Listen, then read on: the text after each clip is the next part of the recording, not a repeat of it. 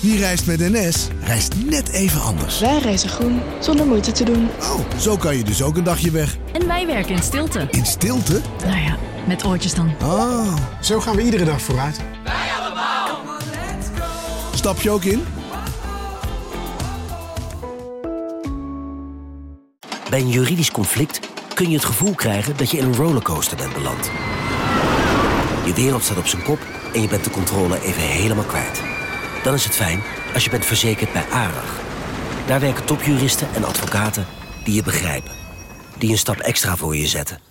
En je het gevoel van controle teruggeven. Met kennis en informatie, met heldere uitleg en met gericht advies. ARAG, juridisch probleemoplossers.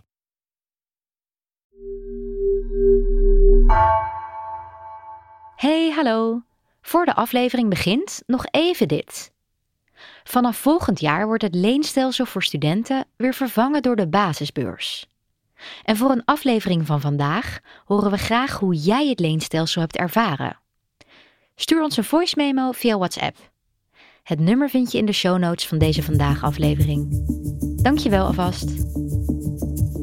Vanaf de redactie van NRC het verhaal van vandaag. Mijn naam is Gabriella Ader.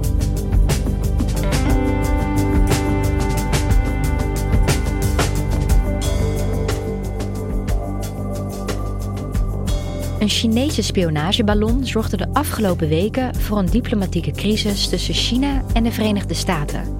Wat is dit precies voor ballon? En wat zegt het over de veiligheid van ons luchtruim? Verslaggever Hans Steketee ziet hoe met deze ballon de relatie tussen beide grootmachten steeds gespannener wordt.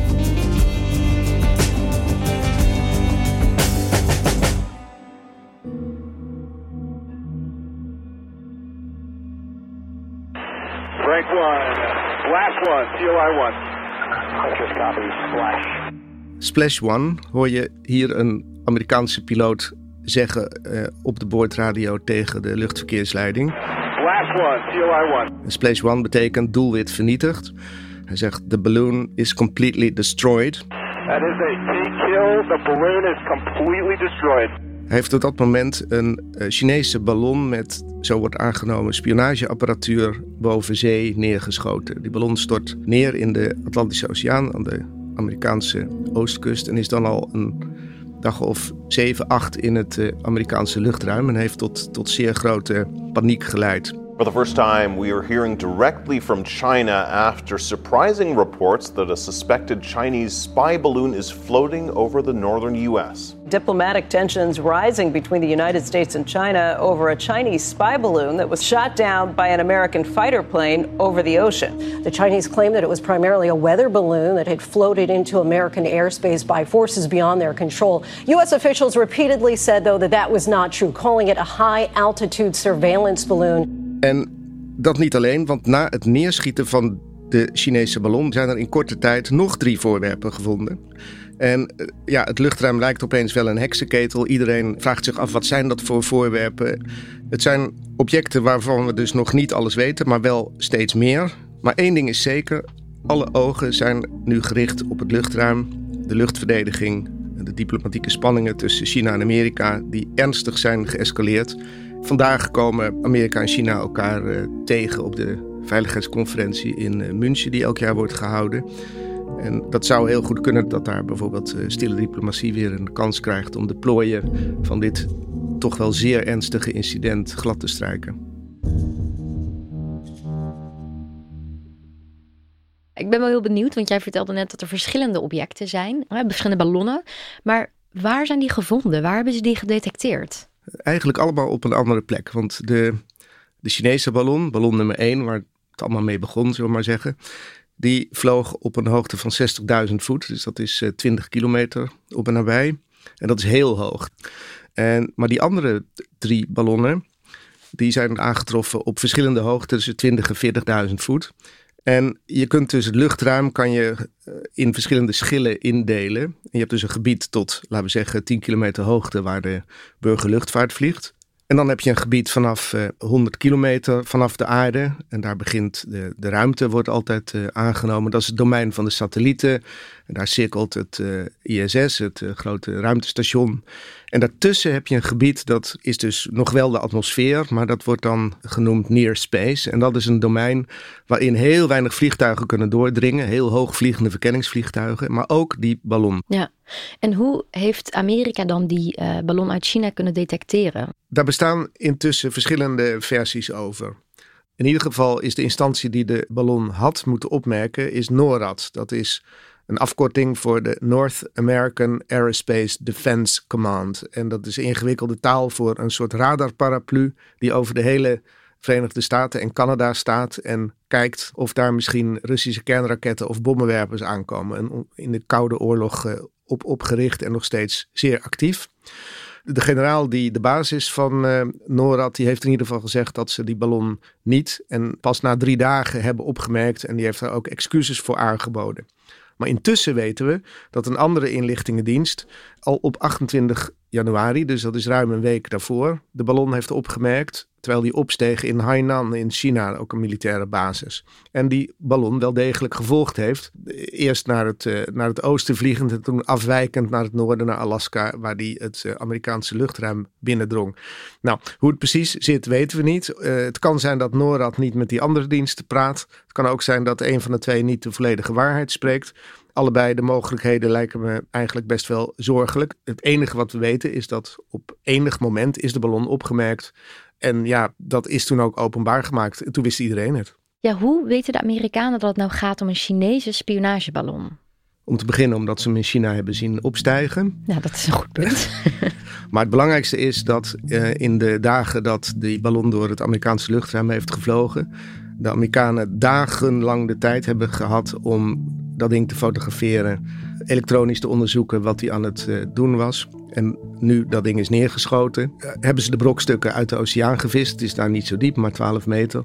Er wordt gezegd, er hing onder een, uh, wat dan heet, nuttige lading. Dus dat is dan elektronica en zonnepanelen en dat soort dingen. Ter grootte van drie Amerikaanse schoolbussen. Dus dan krijg je een idee van hoe groot dat gevaarte ongeveer was. Oh, dat is gigantisch, ja. ja. Ja, daarvan wordt nu gezegd, ja, dat is elektronica, sensoren.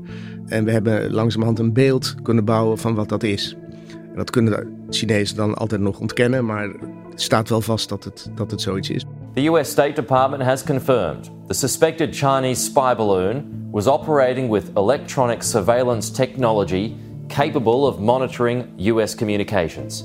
China has condemned the US for shooting down the balloon and claims it was still a weather tracker. En hoe werd vervolgens gereageerd door Amerika op die ballon? Nou ja, ik denk dat je twee dingen hierover kunt zeggen. Namelijk dat de militairen natuurlijk al een tijdje bezig waren met die ballon. En op de achtergrond ook natuurlijk probeerden met die Chinezen te overleggen wat hiervan de bedoeling was. Maar toen dat ding eenmaal in Montana vloog en ook met het blote oog te zien was vanaf de grond. And people living in the Billings, Montana area definitely noticed something strange in the sky. Listen to this. It's a little fuzzy out here. But what the heck is that? That's not the sun. And according to my little planet guide, It's not a planet. What the heck is that? Any help would be appreciated. Toen het Pentagon alarm had geslagen, ja, toen was het niet meer droog te houden. En toen kreeg je natuurlijk schrik onder de Amerikanen, die het idee hadden: ja, ons luchtruim is veilig, wij worden goed bewaakt. En dat bleek opeens niet het geval. En dat is het ook. Het is misschien niet zozeer een soort oorlogsdaad, maar het is wel een inbreuk op de soevereiniteit van Amerika. Als er een soort militaire missie van China notabene, het land waarmee de verhoudingen slechter zijn dan ooit, zomaar het luchtruim binnenkomt. En wat zegt China dan? Om te beginnen reageerden de Chinezen pas na drie dagen. Maar ja, toen had het het Pentagon dus al alarm geslagen en was het algemeen bekend dat die Chinese ballon daar was. En beide partijen hadden toen zeg maar gezichtsverlies geleden. De Chinezen waren betrapt, de Amerikanen hadden een, vijandelijk object in hun luchtruim moeten toelaten. En ja, dus moesten de Chinezen ook reageren. Die begonnen met te zeggen dat het een uit de koers geraakte weerballon was. Intussen weten we dat het natuurlijk helemaal geen weerballon was. Maar dat verhaal dat hij uit de koers was geraakt, dat klopt waarschijnlijk wel. Want die ballon hebben ze uh, afgestuurd, lijkt het, op Amerikaanse basis in Guam en Hawaii in de Stille Oceaan. Militaire basis. Militaire basis, ja. En uh, Ja, dus dus niet gek dat de Chinezen daar op zichzelf belangstelling voor hebben. Maar goed, die ballon is wel degelijk door eh, de luchtstroming uit de koers geraakt en terechtgekomen bij Alaska en toen zo het noordwesten van Amerika binnengedreven.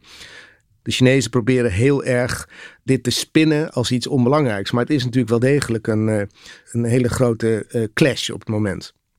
En in Amerika heeft het ertoe geleid dat NORAD toch eens beter naar het luchtruim is gaan kijken. Het, blijkt namelijk dat die radars vrij grof staan afgesteld. Namelijk om op grote afstand bommenwerpers en raketten te kunnen signaleren. En ze willen niet afgeleid worden door kleine voorwerpen, kleine vliegtuigjes of een, laten we zeggen, een vlucht heel dichtbij. Maar ja, nu blijkt dus dat zo'n ballon, dat die ook een heel kleine radar-echo geeft. Dus dat zou een verklaring kunnen zijn dat die ballon door NORAD slecht is opgemerkt. Dus wat hebben ze gedaan? Ze zijn naar oude radargegevens gaan kijken en hebben gezien dat er misschien nog andere ballons zijn geweest in het verleden. En ze zijn de radars fijner gaan afstellen. The NORAD adjusted the, the parameters for the radar systems, the sensitivities, um, to look for things that were slow, high, uh, and small uh, in the wake of the Chinese spy balloon. And so when you adjust your sensitivities on the radar, uh, you're likely to see more of those kinds of contacts. En wat bleek toen in de dagen daarna? Dat er kort achter elkaar drie nieuwe UFO-achtige voorwerpen in het luchtruim aangetroffen werden. Van China ook? Uh, dat zeiden ze er niet bij. Er waren natuurlijk veel mensen die dat wel dachten werd er meteen bij gezegd dat we niet moesten denken aan uh, buitenaardse wezens. I just wanted to make sure we address this from the White House. I know there have been questions and, and concerns about this, but there is no, again, no indication of aliens or extraterrestrial activity. I, I'm just, you know, I loved E.T., the movie, but I'm, I'm just going to leave it there. Maar ja, het waren drie verschillende voorwerpen. Een kleine ballonachtige, een, een achthoekig voorwerp en een soort cilinder en onder dat achthoekige ding hingen dan ook nog een soort rare linten. Allemaal rare, gekke ingrediënten voor, ja, voor iets raadselachtigs.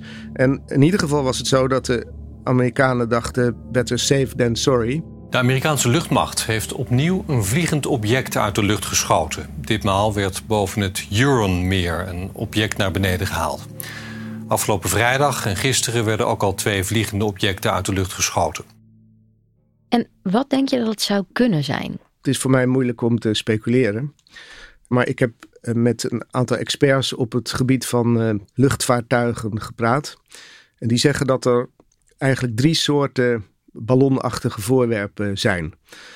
Bijvoorbeeld het KNMI heeft, laat elke dag een weerballon op. Met instrumenten die bijvoorbeeld uh, de luchtdruk en de windrichting en temperatuur meten. Alle weerinstituten in de hele wereld laten al, denk ik, een eeuw vaak van dat soort ballonnen op. En dat zijn kleine ballonnen gevuld met helium. Die stijgen omhoog tot een kilometer of 15. Dan is er een tweede groep, die gaan veel hoger. Die gaan ook niet elke dag omhoog. Dat zijn uh, ballonnen die tot wel 30 of 35 kilometer hoogte kunnen. Dus dat is nog boven wat die Chinese spionageballon deed. En daar wordt bijvoorbeeld gekeken naar uh, de ozonlaag. Dat soort onderzoek wordt er gedaan. En dan is er een, een derde groep ballonnen. En dat is denk ik de meest interessante. Omdat we daar het minste van weten. Dat zijn ballonnen die groter zijn en die, die langere tijd omhoog gaan. Die kunnen veel meer gewicht meenemen. En die worden gebruikt om over langere tijd metingen te doen. En dat kunnen wetenschappelijke metingen zijn, dat kunnen commerciële metingen zijn. Dan moet je denken bijvoorbeeld om bijvoorbeeld straling uit de ruimte te meten. Voor astronomische doeleinden. En ook om bijvoorbeeld satellieten te testen. En de Amerikanen hebben nu gezegd dat die drie dingen die ze nog meer uit de lucht geschoten hebben, dat, dat best is dat soort uh, voorwerpen uh, zou kunnen zijn. Of afkomstig van dat soort voorwerpen. Ze spreken over goedaardige uh, objecten. Ja. En dan moet je dus denken aan een op drift geraakte wetenschappelijk ballon waar de, waar de lading af is gevallen of iets dergelijks. maar goed, dat is nog steeds zorgelijk, want kennelijk zweeft er dus toch een soort van atmosferisch vuilnis maar goed, dat zien ze nu dus eh, omdat ze de radar beter hebben afgesteld. Ja, precies. Want als je beter zoekt, vind je natuurlijk ook meer. Ja, en zo hebben ze bijvoorbeeld ook gezien, toen ze terugkeken in de data, dat er onder de vorige president, Donald Trump, ook drie uh, ballonnen door het Chinese spionageballonnen door het Amerikaanse luchtruim zijn uh, gevlogen. Today a top aerospace defense commander acknowledged that the Pentagon has missed Chinese balloon threats in the past, blaming it on quote an awareness gap that he says the US has to figure out. Ja, Hans, waarom is er nou zoveel commotie over die ballonnen nu? Ja, dat zegt vooral, denk ik, iets over de geestesgesteldheid van uh, uh, Amerikanen en misschien ook wel mensen in de hele wereld. Namelijk dat er het hele gevoel van onrust en, en, en kwetsbaarheid, dat, dat komt nu aan het licht. En uh, ja, door een soort van dreiging vanuit een gebied waar je eigenlijk geen idee van hebt dat het er is. He, bijna letterlijk kan je zeggen, het staat niet op de radar. Uh, opeens blijken er nu ballonnen in het luchtruim te zweven van China. Nou, dus voor de Amerikanen is dat een vreselijke gedachte... dat ze, dat ze niet meer veilig op hun, uh, hun eigen continent zijn. Ja, heel kwetsbaar maakt dat ze natuurlijk. Zeker. En niet alleen daar, maar bijvoorbeeld je zag ook uh, de afgelopen week... dat in Moldavië het luchtruim een dag gesloten werd vanwege een ballon. Verder niet opgehelderd. En afgelopen week hebben we ook gezien dat er een aantal Russische ballons boven Kiev uh, te zien waren geweest. Die hebben dan wel weer een andere functie dan spioneren. Maar goed, in ieder geval, uh, iedereen kijkt nu naar boven. Ja, dus de spanningen tussen de landen die uh, worden hier toch een beetje met de spits gedreven, begrijp ik.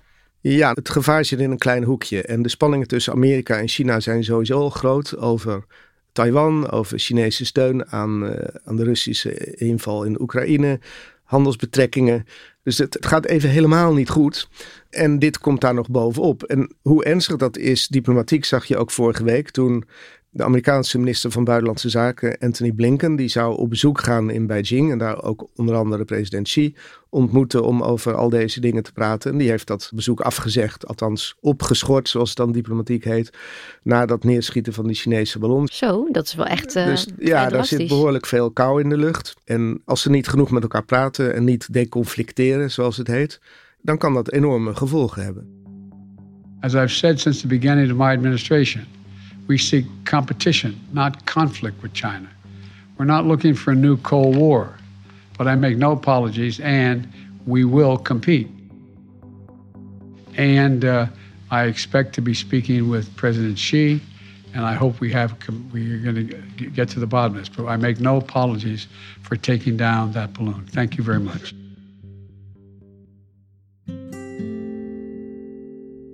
Ja, want gaan ze nu wel met elkaar in gesprek? Ook al is dat gesprek afgelast de vorige keer. Wij weten niet hoe en waar en wanneer de Chinezen en Amerikanen met elkaar praten en wie met elkaar praten en op welk niveau. Dat weten wij gewoon niet. Je kunt aannemen dat er een vorm van contact is. Vandaag, vrijdag, gaan de grootmachten Amerika en China elkaar tegenkomen tijdens de jaarlijkse veiligheidsconferentie in München.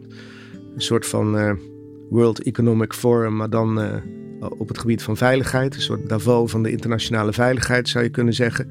En daar komen vanouds dus uh, diplomaten en militairen uit de hele wereld. Uh, alle grote landen en blokken komen daar bij elkaar en die houden daar lezingen. En dat is de manier om te zien hoe de wereld er militair voor staat. Maar het is natuurlijk een beetje een gekke aflevering dit keer vanwege de oorlog in uh, Oekraïne. Dus de Russen zijn er niet.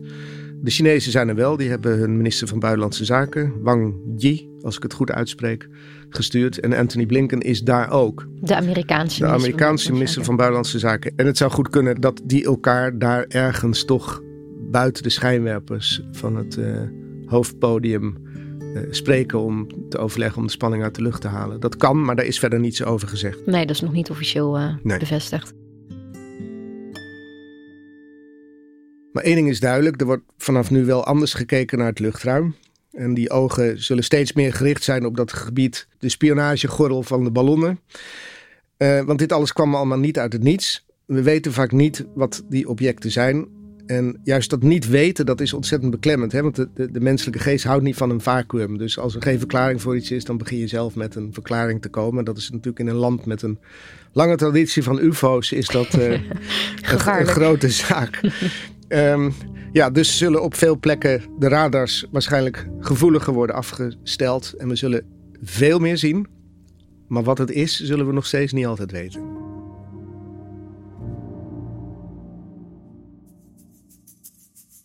Dankjewel.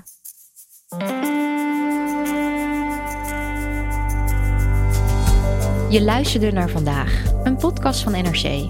Eén verhaal, elke dag. Deze aflevering werd gemaakt door Nina van Hattem, Ruben Best en Marco Raaphorst. Coördinatie door Henk Ruighok van de Werven. Dit was vandaag, maandag weer.